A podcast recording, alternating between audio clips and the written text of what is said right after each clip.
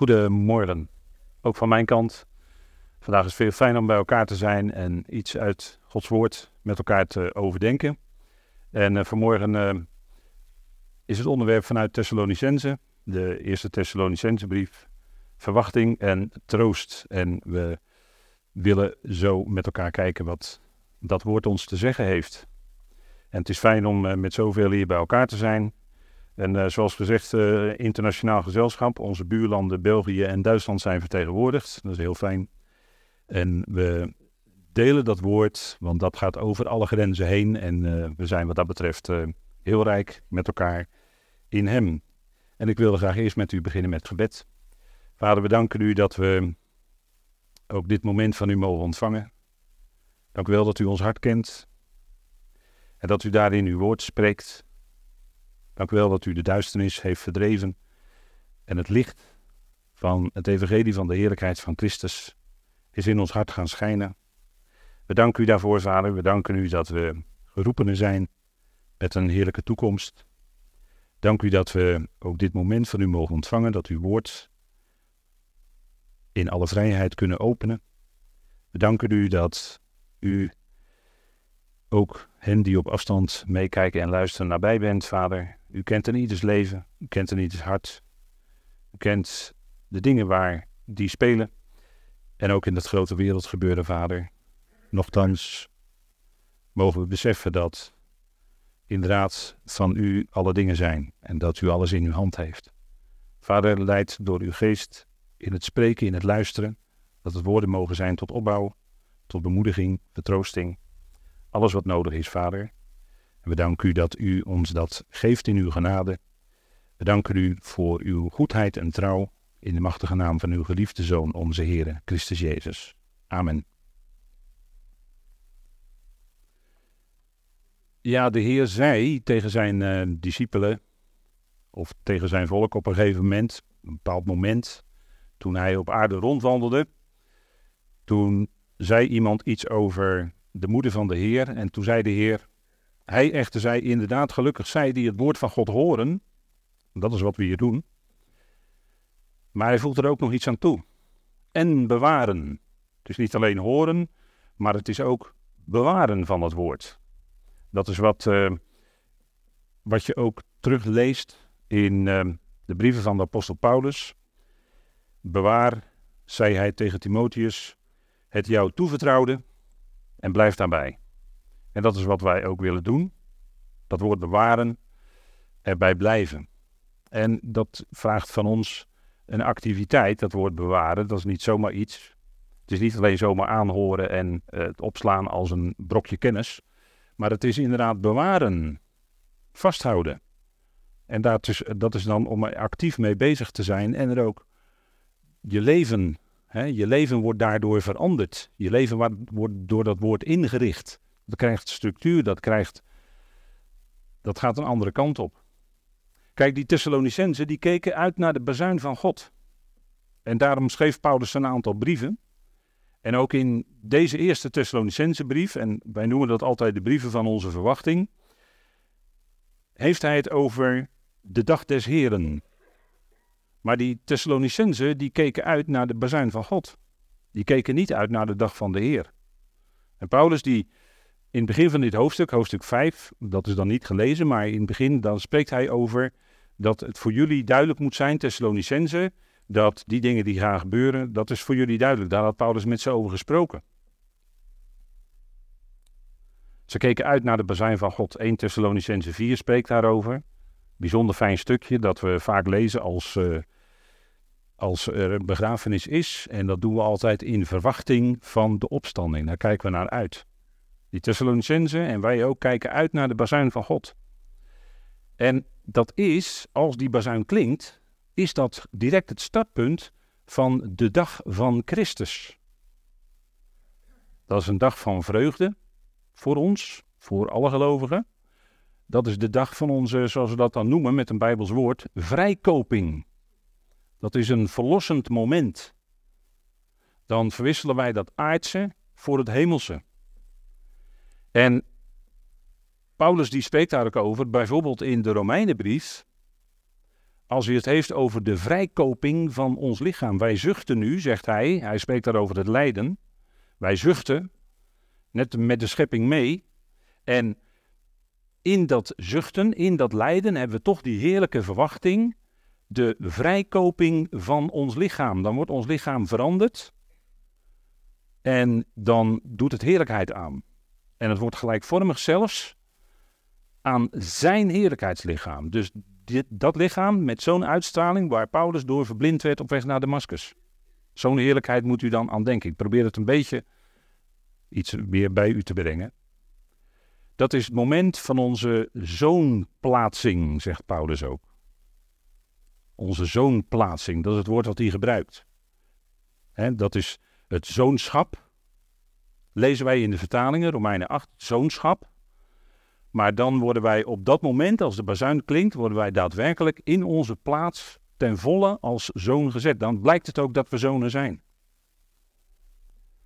En als we dat in een, in een schemaatje even heel eenvoudig weergeven. Wat was nou die verwachting van die Thessalonicenzen?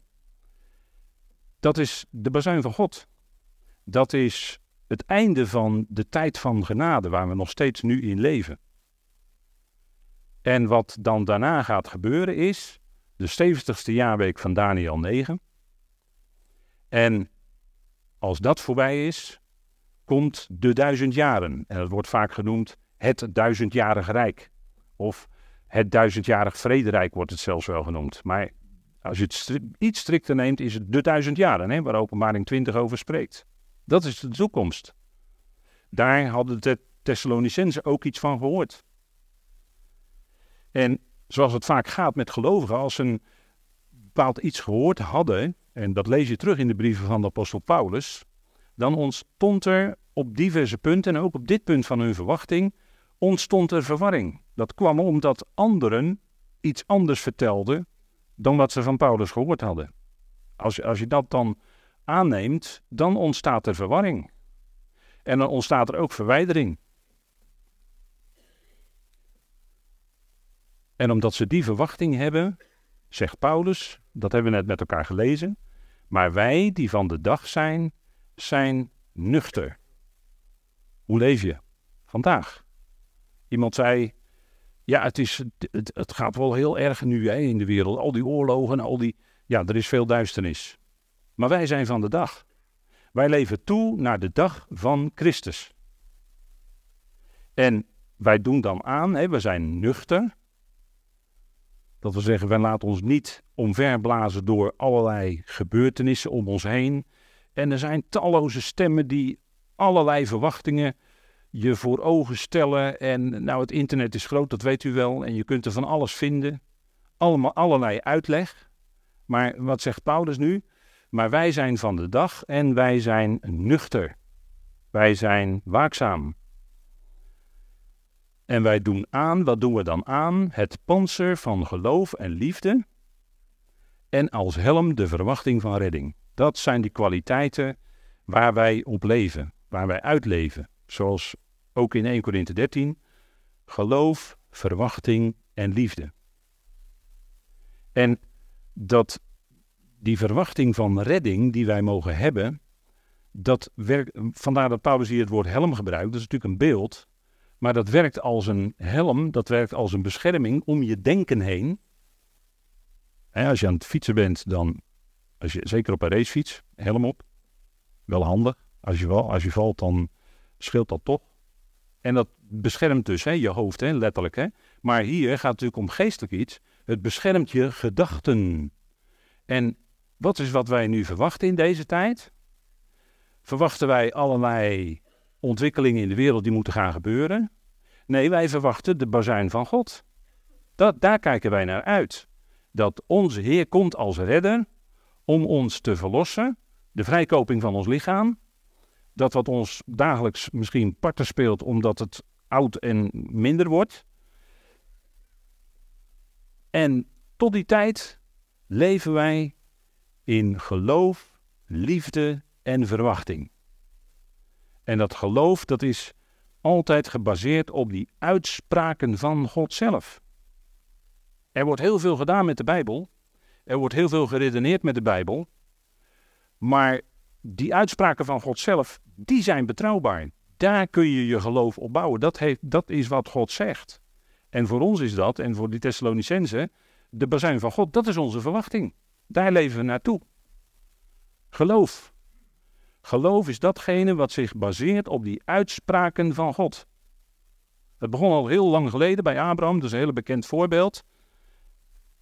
Het geloof van Abraham. Abraham hoorde dat woord. Abraham, ga naar dat beloofde land, wat ik je zeggen zal, en je zult gezegend worden. En Abraham ging. Hij wist helemaal niet waar hij terecht zou komen. Hij leefde in een, in een mooie omgeving, Mesopotamië, Oer de Galdeeën, vruchtbaar gebied. En nu moest hij een hele eind gaan reizen, wel duizenden kilometers, voordat hij de plek kwam waar hij moest zijn. Maar hij ging, dat is geloof. Hij zag niet waar hij komen zou, maar hij ging wel. En dat is voor ons precies eender in feite. Ja, wij weten die verwachting, maar we vragen ons vaak af, wat gaat er dan precies gebeuren? Nou, Paulus beschrijft dat nauwkeurig in dat vierde hoofdstuk. En dat die geloof en liefde, dat, ja, dat is een panzer. Dat klinkt misschien een beetje, ja, een beetje... Je ziet daar die Romeinse soldaat. Hè? Dat is, heeft Paulus misschien aan gedacht toen hij dit schreef. Zo'n outfit. Panzer om je heen, geloof en liefde. En liefde is datgene wat God in ons hart geeft. Liefde is, het gaat hier om de agape, dat is een, eh, het eh, Griekse woord. Die liefde van God, dat is die hoge, belangeloze liefde van God. Waarin je de ander lief hebt. Waarmee je de ander kunt liefhebben, ook al is die ander nou niet uh, je vriendje of je vriendinnetje. En dan toch die ander liefhebben. Zo werkt het vaak in de gemeente. Je komt allerlei mensen tegen in het lichaam van Christus, medegelovigen, medebroeders en zusters. Maar misschien met, eh, op den duur ontdek je allerlei karaktereigenschappen die je nou niet zo direct aanstaan. Maar dan gaat die liefde van God, die agape, die gaat daar overheen, die stapt daar overheen. Hè? Want je ziet elkaar niet aan in, ja, dat oude ikkie, maar in Christus. We zien elkaar aan in Christus. En dan kun je elkaar ook lief hebben met die agape, die, dat is die hoge, belangeloze liefde van God. En dat woord belangeloos is daarin best wel belangrijk, want je hebt dan daar geen belang, je hebt geen belang bij. Eh, je dient niet, als we leden zijn van het lichaam van Christus en we zijn bezig, dienen we niet onze eigen belangen, maar we, zien, we dienen zijn belang. En daar gaat het natuurlijk om. En liefde, dat is iets, ja, dat is zoiets wonderlijks. Kijk, die liefde van God, daar raak je nooit op uitgekeken. Die liefde van God die gaat zo ver en dat gaat zo diep. De geest, zegt Paulus in de Korinthebrief, die doorzoekt alle dingen en die geest is in ons. Zelfs de diepten van God. En de, als je de diepste diepte van God, ja, dat kunnen wij niet peilen als mens, maar we kunnen er maar iets van in ons leven, er iets van proeven en smaken en meemaken. Maar die liefde van God is altijd veel dieper en gaat veel verder dan je denkt. En iets daarvan, als nou iets daarvan in ons leven gaat reflecteren, gaat iets weerspiegelen naar ook die ander toe. Hè, niet alleen verticaal zeggen we dan, maar ook horizontaal. Hè, dus naar die ander toe. Ja, dat is, dat is heel fijn als iets van die liefde van God zichtbaar wordt. En dan kun je met broeders en zusters 10, 20, 30, 40 jaar omgaan. Dat is heel wonderlijk. Maar hoe kan dat? Dat kan niet omdat het uit jouzelf komt, maar dat komt omdat die liefde van God in je hart is geland. En daarom kun je die ander lief hebben. En leer je uit de Bijbel hoe God naar die ander kijkt. En ook dan leren te kijken zoals God naar die ander kijkt. En dan zie je voorbij aan al, al die stekels en al die uh, scherpe randjes van die ander en uh, noem maar op. Hè? En dan zegt u, ja, wat je nou staat te vertellen, dat is allemaal prachtig. Hè? Dat is allemaal theorie. En nu de praktijk. Ja, nou, straks stappen we naar buiten, is het zondag. En straks wordt het maandag, is weer de praktijk, ja. Maar dan is de liefde van God precies eender. En die is in ons hart uitgegoten. En dan kun je daar biddend mee leven, van uitleven. Het panzer van geloof en liefde. Dat is wat de apostel Paulus ons, hè, als we het willen hebben over de eindtijd, waar wij nu in leven, de laatste dagen. En misschien leven we nu wel in het allerlaatste van de laatste dagen als het gaat om de gemeente. Dat is wat Paulus ons aanwijst. Aandoend, dat is, dat is dus iets actief, hè? iets aandoen, iets aantrekken. panzer van geloof en liefde en als helm de verwachting van de redding. Blijf nou bij wat je gehoord hebt over die redding. Blijf bij wat je gehoord hebt over die verwachting. Die verwachting is de bazuin van God. En dan kunnen we allerlei bespiegelingen hebben. Oorlog in Israël, oorlog in de Gazastrook enzovoort. Kunnen we allerlei bespiegelingen over hebben. En die wordt misschien wel president van Amerika of die. En die is dan misschien wel de antichrist. Nou, dat zijn natuurlijk allemaal gedachten die rondgaan. Maar voor ons is de verwachting dat de bazuin gaat klinken. Daar leven wij naartoe. En die Thessalonicenzen, die werden, ja, dat, daar, daar, daar, daarom moest Paulus ook twee brieven schrijven, heel dringend. Wij vragen jullie nu, broeders, aangaande de aanwezigheid van onze Heer Jezus Christus en onze opzameling tot Hem. Dat is ook wat je bij de oogst doet, hè? opzamelen. Dan verzamel je het graan hè? en dan, uh, dat is misschien een beetje het beeld hierbij. Er staat hier het woord zelfs synagoge. Niet dat wij, uh, dus niet de shul, maar dat wil zeggen dat we samen, hè, dat, en er staat nog een woordje voor, en dat heeft iets te maken met naar boven. En dat is een term die Paulus dan gebruikt voor wat hij ze in dat vierde hoofdstuk van zijn eerste brief al had verteld, over die bazuin. Dan worden wij door de Heer op dat moment verzameld, en dat gaat heel snel, en dan zijn we allemaal bij Hem. Dat is onze opzameling. En daar doet hij ze aan herinneren, aangaande de aanwezigheid. Hè, dat is het bekende woord uh, parousia, de aanwezigheid van Christus hè, en onze opzameling tot Hem. Dat jullie niet snel geschokt worden in jullie denkzin, in jullie denken, je denkzintuig mag je ook zeggen, en ook niet gealarmeerd worden, nog door geest, nog door woord, hè, door wat gesproken wordt, nog door een brief als door ons geschreven. Dat ging rond hè, en dat gebeurt ook nog wel eens onder christenen, hè, dat, of onder gelovigen, kan ik beter zeggen. Onder gelovigen gebeurt het ook nog wel eens dat er dan een, een valse brieven rondgaan. Die niet door de betrokkenen zelf geschreven zijn, maar door iemand anders. Maar wel de naam van degene die dan uh, belaagd wordt uh, eronder gezet. Dat gebeurt. gebeurt allemaal hoor, dat soort dingen. En dat is om de, de betreffende of de betreffende naam die eronder staat, om die onderuit te halen. Dat, dat gebeurt allemaal, hè, dat soort dingen. Paulus zegt, nog door een brief als door ons geschreven. Kennelijk ging daar een brief rond waaronder de naam Paulus stond, maar die was dus niet door hem geschreven. En daardoor waren die Thessalonicenzen verontrust geraakt. Waren ze alarmeerd, waren ze zelfs geschokt. Hè? Alsof de dag van de Heer tegenwoordig is. En met die dag van de Heer gebruikt Paulus weer dat woord, wat hij ook in dat vijfde hoofdstuk uh, bezigde van zijn eerste brief. Dat hij zegt van ja, voor jullie is het niet nodig jullie te schrijven over de volgorde van gebeurtenissen, want jullie weten zelf heel goed dat de dag van de Heer komt als een dief in de nacht. Die zal komen voor degene die het overkomt als een dief, totaal onverwachts. Maar voor ons niet. Voor ons geldt ook niet die komst van de dag des Heren, dat komt pas nadat de bazuin geklonken heeft. Voor ons geldt die bazuin. Alsof de dag van de Heer tegenwoordig is. En die zou, dat had Paulus ze verteld, die dag van de Heer, die gaat komen, die wordt ingeleid met allerlei gerichten. En zegt, laat niemand jullie misleiden, op geen enkele manier. Komt immers niet de afval eerst en wordt niet de mens van de wetteloosheid onthuld, de zoon van de destructie. Dat was door Daniel voorzegd. Dat is wat de Thessalonicenzen niet op aarde zouden meemaken. Want de gemeente is juist dat instrument van God wat diegene weerhoudt. Hè? Wat die zoon van de destructie, dat is een uh, bepaalde manier van zeggen, zoals ze dat in het oosten doen, hè? zoon van. Maar die is in feite bestemd om uiteindelijk ten onder te gaan. De zoon van de destructie, hij is bestemd om ten onder te gaan. Maar Jullie, Thessalonicenzen, jullie weten heel goed, zegt Paulus, dat die afval eerst moet komen en die mens van de wetteloosheid zich openbaren. En dan gaat, die dag, dan gaat ook de dag van de Heer aanbreken. Dat had hij ze verteld. Maar ze waren toch verontrust. En dat kan je als gelovige zomaar overkomen. Dat je allerlei, dat je allerlei andere dingen hoort, dat je denkt van hé, hey, ja, ja, en er worden allerlei dingen gezegd en staat ook in de Bijbel en verwarring. En dat kan heel snel gebeuren. En ja, het is wel goed om de dingen even te, weer, misschien weer even op te frissen. Zet dat nou eens op een rij. Hoe, hoe, hoe gaan die gebeurtenissen nu? Daarnet liet ik u al eentje zien en dit is hetzelfde plaatje in feite, maar met wat andere bewoordingen. Kijk, die blauwe pijl omhoog, dat is de bazuin van God. Dat is als wij in snelheid weggenomen worden.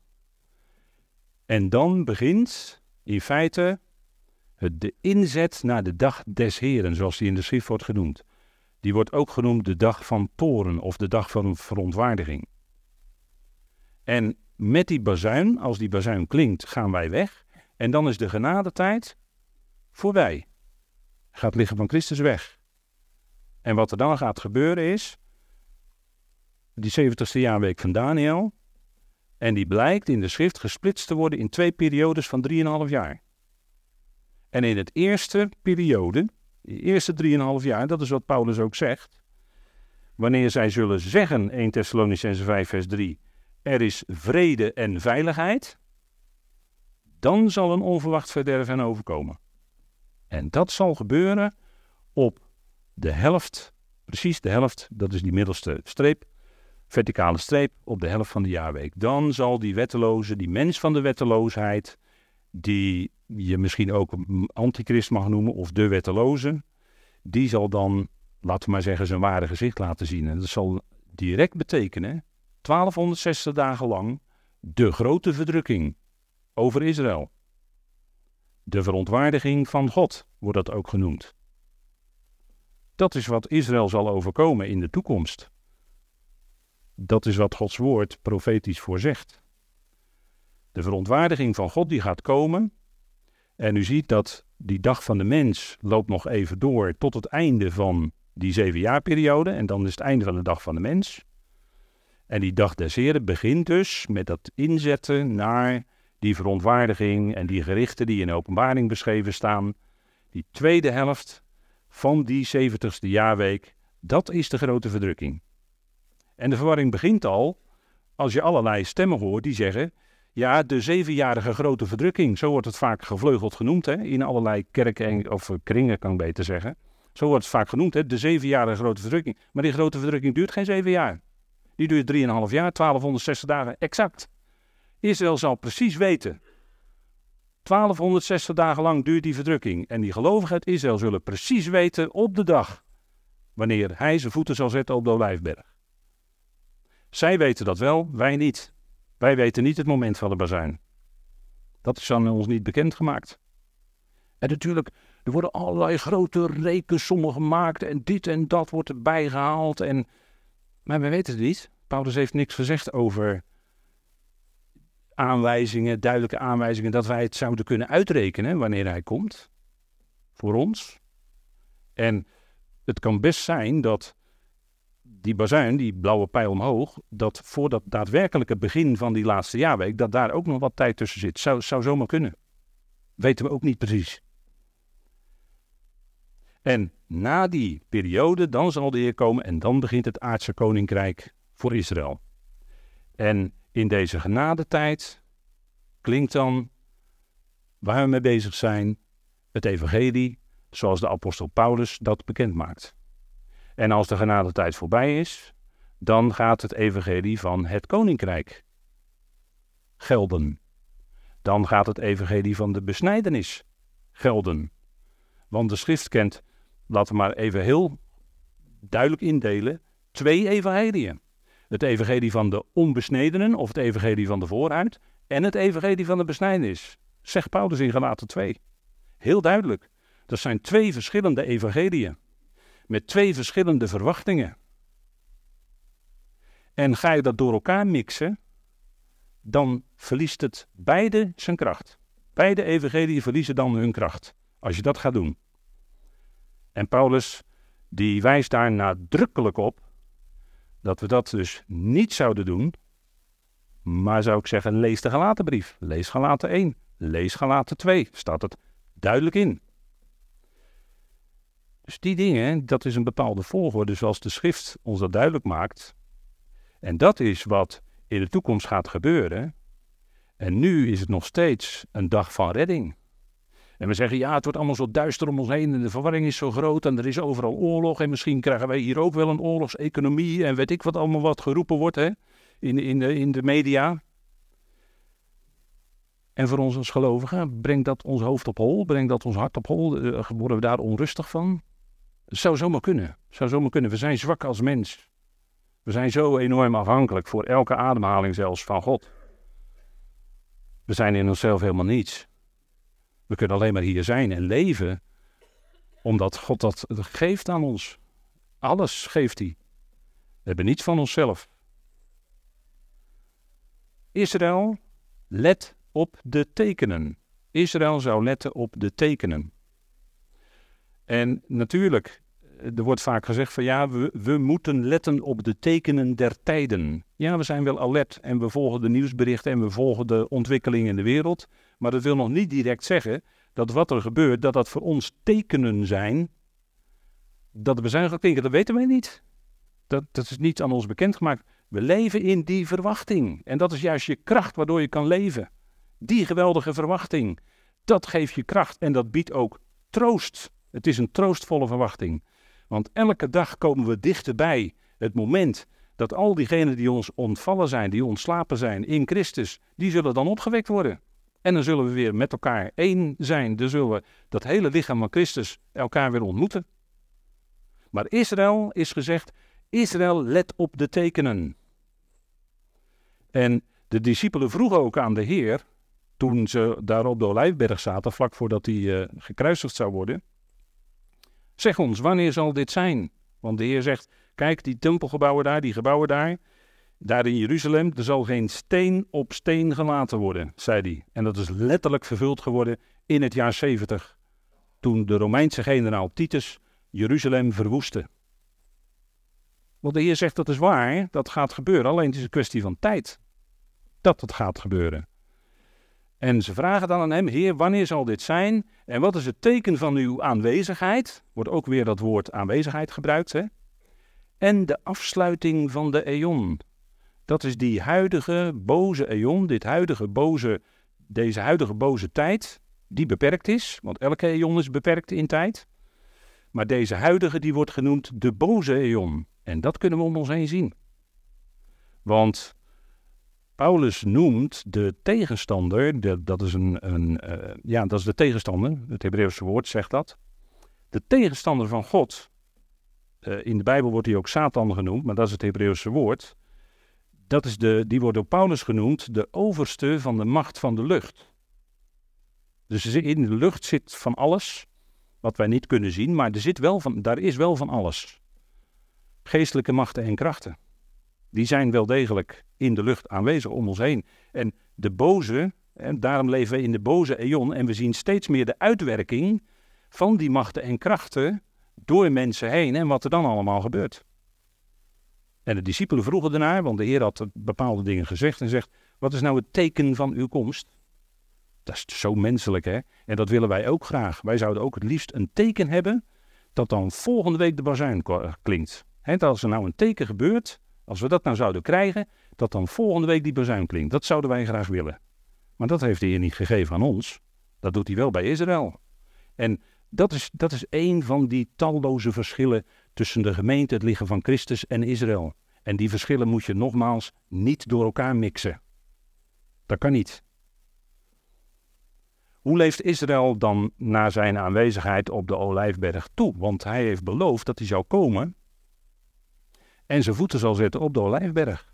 Had de profeet Zacharia in Zacharia 12, dat zijn hele bekende woorden voor u, had de profeet dat aangezegd. Hè? Hij zal zijn voeten zetten op de Olijfberg en alle stammen van het land zullen dan weeklagen. Ze zullen zich op de borst slaan van, ze zullen zien dat hij die Messias was die zij gekruisigd hadden.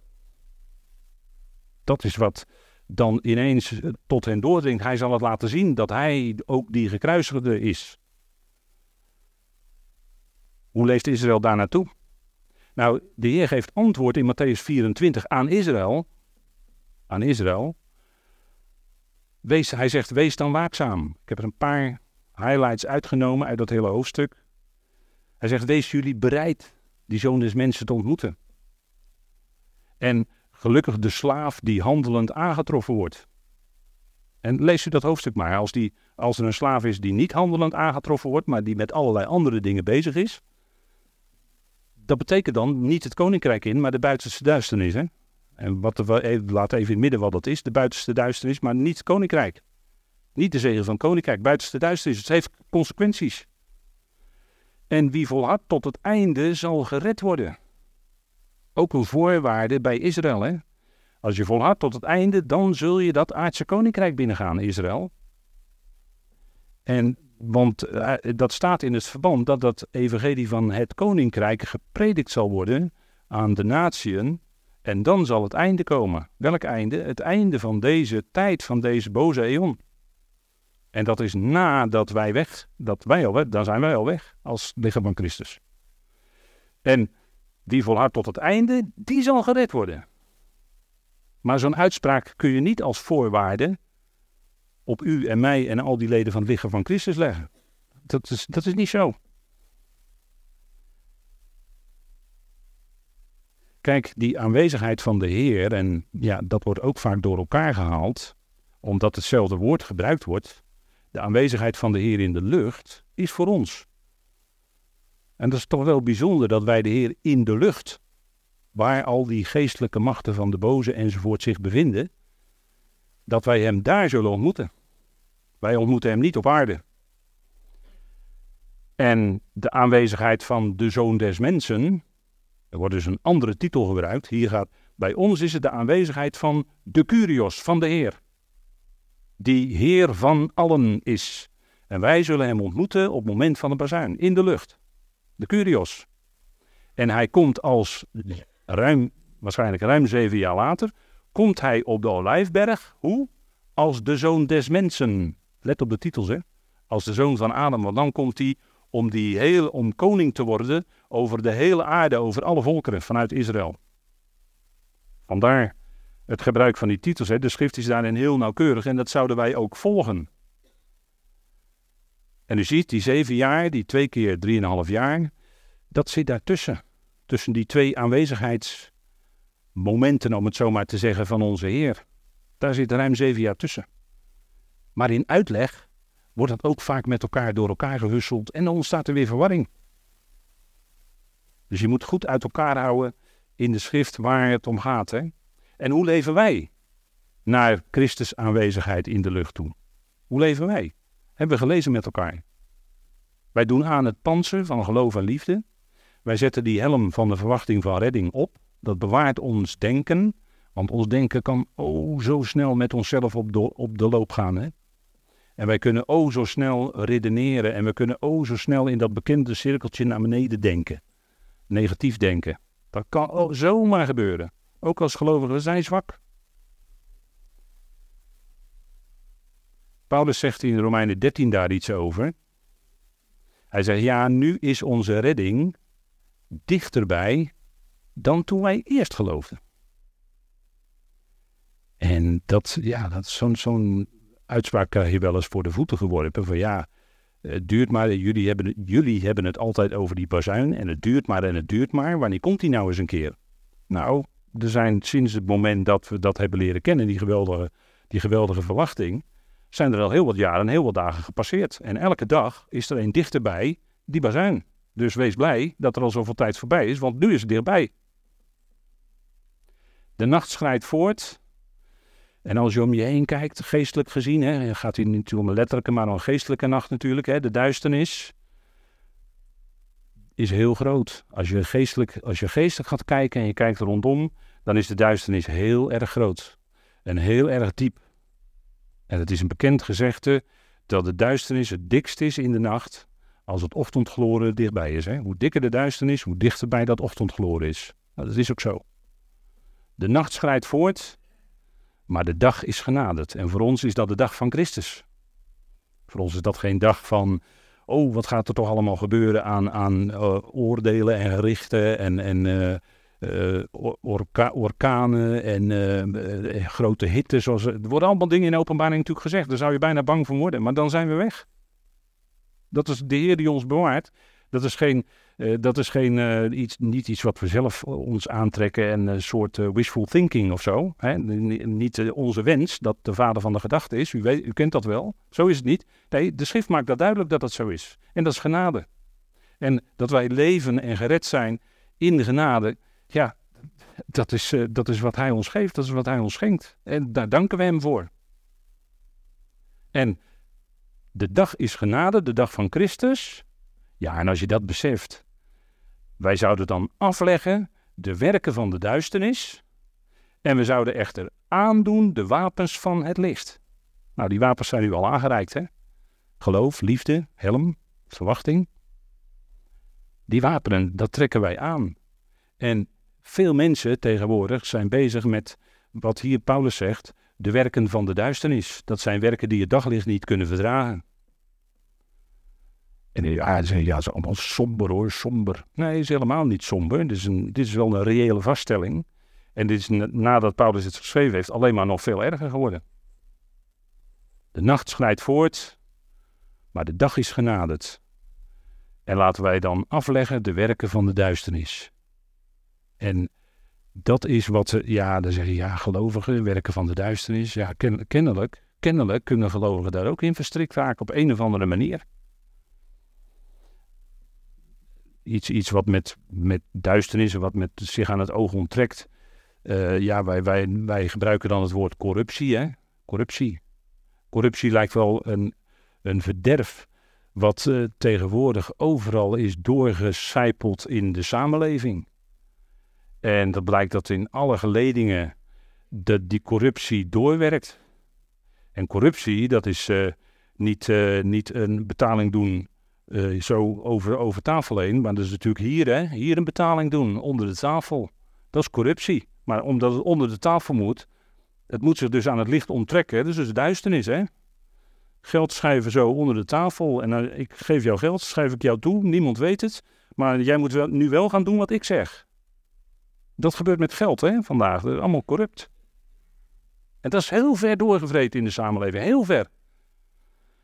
Ik zou bijna willen zeggen tot in de haarvaten. En in die tijd leven wij. En laten wij dan als gelovigen. Ja, daar kunnen we niet aan meedoen. Daar kunnen we niet aan meegaan. Afleggen de werken van de duisternis. En Paulus eindigt dan met: ja, we doen aan de werktuigen van het licht.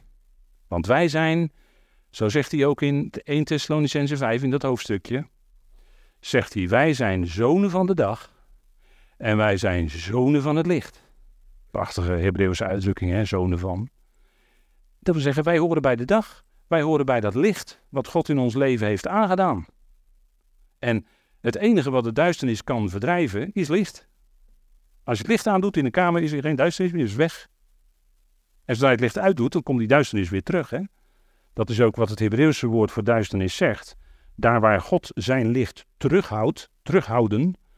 Het Hebreeuwse woord voor duisternis, goshek, dat betekent terughouden. Daar waar God zijn licht terughoudt, daar ontstaat automatisch duisternis. Dus dat geldt niet alleen letterlijk wat we in ons dagelijks leven meemaken, maar dat geldt vooral geestelijk. Daar waar dat woord, dat evangelie van de heerlijkheid, van Christus in ons leven en in ons denken wordt teruggedrongen, ja, dan weet u wat er ontstaat. Hè? Er staat er weer misschien opnieuw een stukje verwarring. En een stukje verwarring is toch een beetje, ook een beetje duisternis. En nou, om uit die verwarring te blijven, is het heel goed om te blijven bij de brieven van de apostel Paulus. Dat is het evangelie voor vandaag. Dat is wat ons werkelijk geweldige troost en verwachting geeft. En dat is wat ons ook aangezegd wordt, dat we daarnaar luisteren. En al het andere is ons tot lering geschreven en is een ondersteuning. De hele schrift is ons tot lering gegeven. Jazeker, de hele schrift is door God geademd. Zeker, zeker. Het is allemaal tot lering en tot onderwijzing geschreven, tot opvoeding in de gerechtigheid. Ja, ja. Maar het gaat vooral voor ons, het lichaam van Christus, om die brieven van de apostel Paulus. En dat, is, dat hoort ook direct bij aandoen van de wapenen van het licht. Dat is één op één hoor. Want als je andere dingen erbij gaat mengen, dan krijg je dus verwarring. En er ontstaat een stukje duisternis. En dan gaat, gaat het licht gaat terug. En ja, uh, wij, wij gaan niet door de grote verdrukking. En uh, natuurlijk, natuurlijk, natuurlijk, ja, daar is ook verwarring over. En er zijn ook allerlei opvattingen over. Wij gaan, ja, wij gaan wel door de grote verdrukking, zeggen sommigen heel stellig en heel overtuigend. Oh ja, waar staat dat dan? Waar staat in de Bijbel dat de gemeente lichaam van Christus door de grote verdrukking gaat? Waar staat dat? Ik heb het niet kunnen vinden. Ik heb het niet kunnen vinden. Wat er wel staat, is wat we lezen bij Paulus. Dat is dit. Dat hebben we vanmorgen al gelezen. God plaatst. God is de grote plaatser. Hè? En God plaatst ons niet. Hier staat een accentje op dat woord niet, want er staat in grondtekst een hele sterke ontkenning. God plaatst ons, plaatst ons niet tot verontwaardiging, maar tot toe-eigening van redding door onze Heer Jezus Christus. En die redding die Paulus hier bedoelt, dat is het moment van de bazuin. Wij worden gered voordat die verontwaardiging van God over de wereld gaat komen. Voordat de gerichten van openbaring los gaan breken. En dat is genade. Dat is niet iets hè, van, van onszelf. Nee, dat is wat Hij ons geeft. En die verontwaardiging, die term, die gebruikt de Heer Jezus in Lucas 21, vers 23. Als hij het heeft over de grote verdrukking over Israël, dan gebruikt hij de term verontwaardiging. En daarvoor zijn wij niet gesteld. Dat is wat we wel lezen in de schrift. En dat is geweldig, want hij geeft ons redding. En dat is heerlijk, daar kijken we naar uit. Dat verblijdt ons, dat bemoedigt ons. Juist op momenten dat we verdriet hebben over hen die ons ontvallen zijn, hen die, ons on, hen die ontslapen zijn. Geeft dat ons weer beetje moed, beetje kracht om verder te kunnen en om toe te leven naar dat moment. Ja, en hoe zit het dan met, zoals het was in de dagen van Noach? Want daar heeft de Heer het ook over. Hè? Ja, er is zoveel verwarring op, op deze punten. Kijk, bij Noach was het zo, even heel kort, hè, dat is een hele bekende geschiedenis natuurlijk. De ark, er werden maar acht gered. De rest werd weggenomen door het water. Dat gebruikt, de Bijbel gebruikt dan de term wegnemen. De rest werd weggenomen. Maar acht gelovigen werden gered. Dat was hun redding. Dus degenen die weggenomen werden, die bleven niet achter, maar die werden weggenomen door het water. Die kwamen om in dat gericht, in dat enorme gericht. En er werden maar acht gelovigen gered. En dan zegt de Heer in Matthäus 24, dan zullen er twee in het veld zijn, de één meegenomen en de één achtergelaten. Twee die malen in de molen, de één wordt meegenomen en de één achtergelaten. En nou kan het verwarrend zijn, zoals het hier staat. Hè? Als je dit nu gaat vermengen met het moment van de bazuin, dan kom je in de verwarring, dan, weet je, dan begrijp je het niet meer.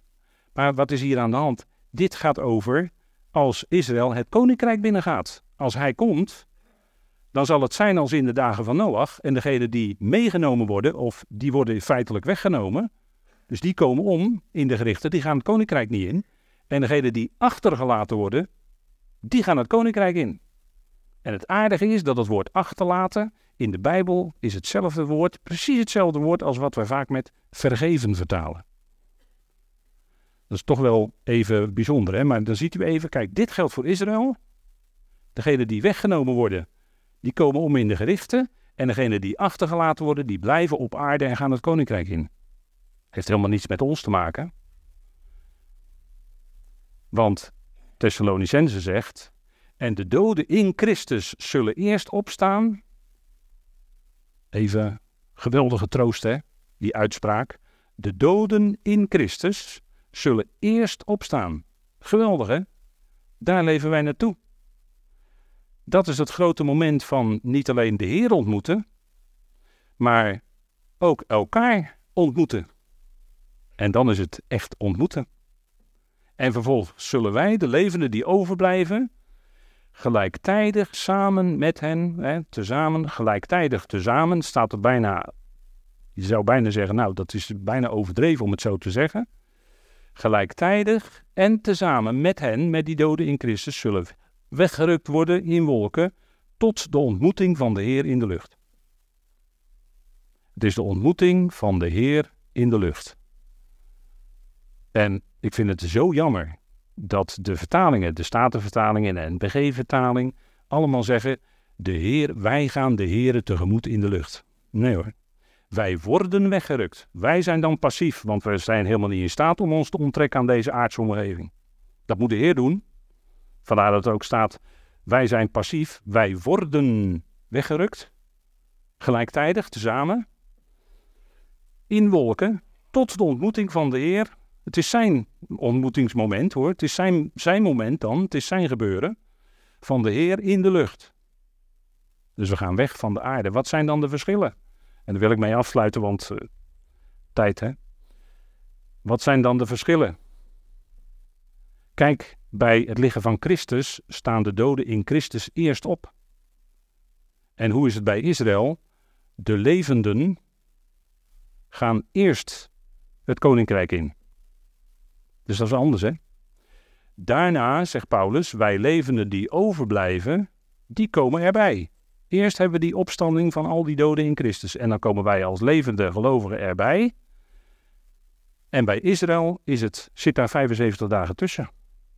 Degene die levend het koninkrijk ingaan, wat we net lazen, degene die achtergelaten worden op aarde, die het koninkrijk ingaan, die zijn eerst het koninkrijk in en 75 dagen daarna krijg je de opstanding van de rechtvaardigen. Daar zit dus 75 dagen tussen, ruim twee maanden. Dat is dus een hele andere volgorde dan in, in Thessalonicense. Een heel groot verschil.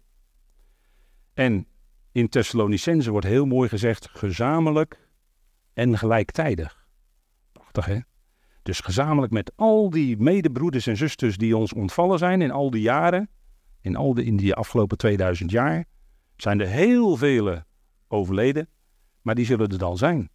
En wij zullen gezamenlijk, gelijktijdig met hen de Heer ontmoeten in de lucht. En bij Israël is het dus niet gezamenlijk en niet gelijktijdig, hebben we al gezien. Hè? En wij, wij gaan naar de hemel en blijven daar ook. En Israël, even geven aan het koninkrijk is bedoeld voor de aarde, blijft op aarde, heeft een aardse toekomstverwachting. Wij niet, wij hebben een hemelse toekomstverwachting. Als u de studies van de Efezebrief volgt, als u de Efezebrief leest, kan ik ook zeggen, want u hoeft niet per se die studies natuurlijk te volgen. U kunt de Efezebrief ook gewoon lezen dan leest u daar dat de gemeente een hemelse toekomstverwachting heeft. De gemeente, het lichaam van Christus, heeft een hemelse bediening. Dat wil zeggen dat wij ook lijfelijk niet op aarde zullen zijn in de komende tijden, maar we zullen lijfelijk boven zijn, waar dat dan ook maar is, want we hebben nog geen idee hoe de schepping in elkaar zit, maar waar dat dan ook maar is, wij zullen bij Hem zijn en wij zullen in dienst van de Heer staan om hemelse machten en krachten te bereiken met genade en die veelvuldige wijsheid van God. Dat is wat de Efezebrief bekend maakt. Dat is een toekomstverwachting die voor vele gelovigen helaas niet zo bekend is of niet zo duidelijk is. En dat is wat Paulus ons aanreikt. Hè? En de gelovigen van Israël en de volken, die blijven op aarde. En wij komen niet terug op aarde. Dat wordt ook wel eens gedacht. Hè? Zeven jaar weg en dan komen wij terug op aarde. Nee hoor. Wij blijven dat is wat Efezebrief duidelijk maakt. Wij blijven in de toekomende tijden boven, met Hem, bij Hem, in dienst van Hem. Dat is de toekomst van de gemeente. En dat is verzekerd, want hoe weet je nou dat wij niet door grote verdrukking gaan? Het is niet afhankelijk van onze volharding. Het is niet afhankelijk van ons werk. Het is Christus die voor ons gestorven is, opdat, zij, opdat wij, het zijn wij waken. En natuurlijk, Paulus zegt, wees waakzaam, wees wakker. En als je als gelovige geestelijk ingedut bent en je gelooft het allemaal wel en het leven heeft zo zijn gang en het is allemaal niet zo duidelijk meer voor je, die geestelijke waarheid. Weet je wat je dan nodig hebt? Dan heb je een flinke por in je ribben nodig. Dat is, dat is wat de brieven van Paulus dan doen. Lees die en daar word je er misschien bij bepaald opnieuw. Ja, wacht even, maar ik, ik, ik moet prioriteiten stellen in mijn leven. Wat, wat is nou werkelijk belangrijk? Om wie gaat het nou eigenlijk in mijn leven? Gaat het nou om ik? Of gaat het nou om mijn belangen? Gaat het nou om mijn leven? Of gaat het om die Heer die binnenkort gaat komen, waar we in verwachting naartoe leven? En uh, er gebeurt nog alles dat, dat gelovigen geestelijk gezien, ja, die zijn een beetje ingedommeld. Hè? Dat is dat, uh, die prachtige tekening, een man op zijn bank, die zit daar dan. Hè, misschien is middags twee uur net geluncht, hè? dan kan je zo lekker indommelen, weet u wel. En daar heb je als je wat ouder wordt meer last van dan als je jong bent. En die andere, die, de andere stel zit, uh, ja, die zit op het bankje misschien met elkaar te praten over, ja, waar is het over? Maar het verschil, hè? Geestelijk gezien kunnen gelovigen ingedut zijn, ingedommeld zijn. En dan zegt Paulus in Efeze 5, ontwaak jij die slaapt en sta op uit de doden, zegt Paulus in Efeze 5. Dat hebben we nodig dan als we ingedommeld zijn. En laat je weer opnieuw bepalen bij datgene wat de apostel Paulus zegt. En gelijktijdig, dat is die belofte wat in het vorige hoofdstuk ook klonk, gelijktijdig tezamen, die woorden worden dus ook hier gebruikt, net als in hoofdstuk 4, precies dezelfde woorden, gelijktijdig tezamen met hem leven. We hebben nu al leven in hem, maar dan is het vol leven. Dan, is het, dan zijn we helemaal doordrongen van zijn geest. Dan hebben we dat heerlijkheidslichaam. Daar gaan we naartoe. Dat is onze verwachting. En dat is iets wat ons verheugt. We zullen gelijktijdig tezamen met hem, met Christus, Christus Jezus, zullen we leven. Dat is wat onze toekomst is. Dat is waar we toe al uit de doden zijn gewekt in feite. Hè. We waren geestelijk gezien, maar we, de, moesten we eerst gewekt worden. Dat heeft de Heer gedaan in ons leven. Hij deed het licht aan, kun je ook zeggen. Geen achterblijvers. Wij kennen geen achterblijvers. Het hele lichaam van Christus, al die leden, die worden weggenomen en die gaan mee. Er zal niemand ontbreken. Ieder lid van het lichaam van Christus zal erbij zijn. Er zijn geen uitvallers. Er zijn geen uitvallers van zo van, jij hebt iets minder je best gedaan en die heeft wel goed zijn best gedaan, die gaat wel mee en die heeft niet zo goed... Uh, nee, dat speelt natuurlijk allemaal niet. Hè? Het is genade. Het is een genademoment. Dus het speelt allemaal helemaal geen rol, dat. Maar we zouden wel, als we dat beseffen en die Heer kennen, de Heer die ons zo lief heeft, die ons zo lief heeft dat Hij voor ons gestorven is aan het kruis. Dat hebben we net gelezen. Hij stierf voor ons. Wat een geweldige liefde van Vader zit daarachter. Wat een geweldige liefde van de Zoon is dat. Dat Hij voor ons stierf, door de dood van het kruis heen is gegaan. Ja, en Vader heeft hem opgewekt, maar. En hij is de eersteling, dat is de garantie, dat weten we. De hele oost gaat komen. En dan sluiten we met deze woorden af. Daarom vertroost elkaar, en dat lezen we dan regelmatig, met deze woorden. Vertroost elkaar met deze woorden. En dat is wat misschien ook vanmorgen, bid ik, een heel klein beetje in uw leven als troost mag klinken. Vertroost elkaar daarom, sluit Paulus ook dit stukje af, en bouwt op de een de ander, zoals jullie ook doen. Efeze 4 zegt het, hè? Efeze 4 zegt, niet dat ene, niet dat ene, dat heeft meer met andere dingen te maken. Maar Efeze 4 zegt, als er een goed woord is tot opbouw, spreek dat. Laat er geen bitterheid zijn, maar spreek goede woorden vol genade die tot opbouw zijn van de ander. Nou, en dit, dit woord van Paulus, daar kun je ook elkaar mee vertroosten. Het is een goed woord tot opbouw, Thessalonicense. Lees het. En dat is wat je troost. Letterlijk staat het woord aanspreken, maar hier is het dan een vertroostend aanspreken, wat Paulus doet. En natuurlijk, we worden ook op andere manieren aangesproken. U weet wel dat aandoen van. Maar het is ook het vertroostend aanspreken. En er is geen betere troost dan deze heerlijke verwachting die wij mogen koesteren met elkaar. Amen. Zullen wij de Heer danken. Vader, we danken u dat we zo een kort moment stil mochten staan bij enkele woorden uit uw woord. En dank u wel dat u ons daardoor opbouwt, bemoedigt, vertroost. Dank u wel dat we dat heerlijke uitzicht hebben. Die toekomstverwachting, wat zo anders is dan Israël. En dat is genade, Vader. Dat is zoals u het in uw woord bekend maakt. Vader, dank u wel dat u ons roept, dat u ons trekt, dat het in genade is dat we elkaar mogen ontmoeten. Elke keer weer. We danken u dat we elkaar aanzien in Hem, in Christus. En Vader, eh, danken u dat u ons zoveel heerlijke beloften geeft. En u zult ze waarmaken, Vader, op uw tijd. En we zien er naar uit. We danken u, Vader, dat u erbij wilt zijn met hen die het moeilijk hebben, die te maken hebben met lichamelijk ongemak. Bid ook voor hen die niet hier kunnen zijn. Om die reden, wees hen genadig nabij, Vader, en ondersteunt en bemoedigt u. En dank u wel dat we zo mogen opzien naar u, Vader. En weten dat het uw kracht is die ons draagt. Dat het uw genade is die onder en rondom en in ons is. Vader, dank u wel voor die geestelijke waarheden uit uw woord, die we zo met elkaar weer even mochten bekijken. Vader, dank u wel en wilt u zelf doen doorwerken in de harten en de levens van ons allen en van allen die het misschien later zullen horen. Dank u voor die heerlijke brieven van de apostel Paulus, ze daaruit en daarbij mogen leven, Vader. We danken u daarvoor. In die machtige naam van uw geliefde Zoon, onze Heer Christus Jezus. Amen.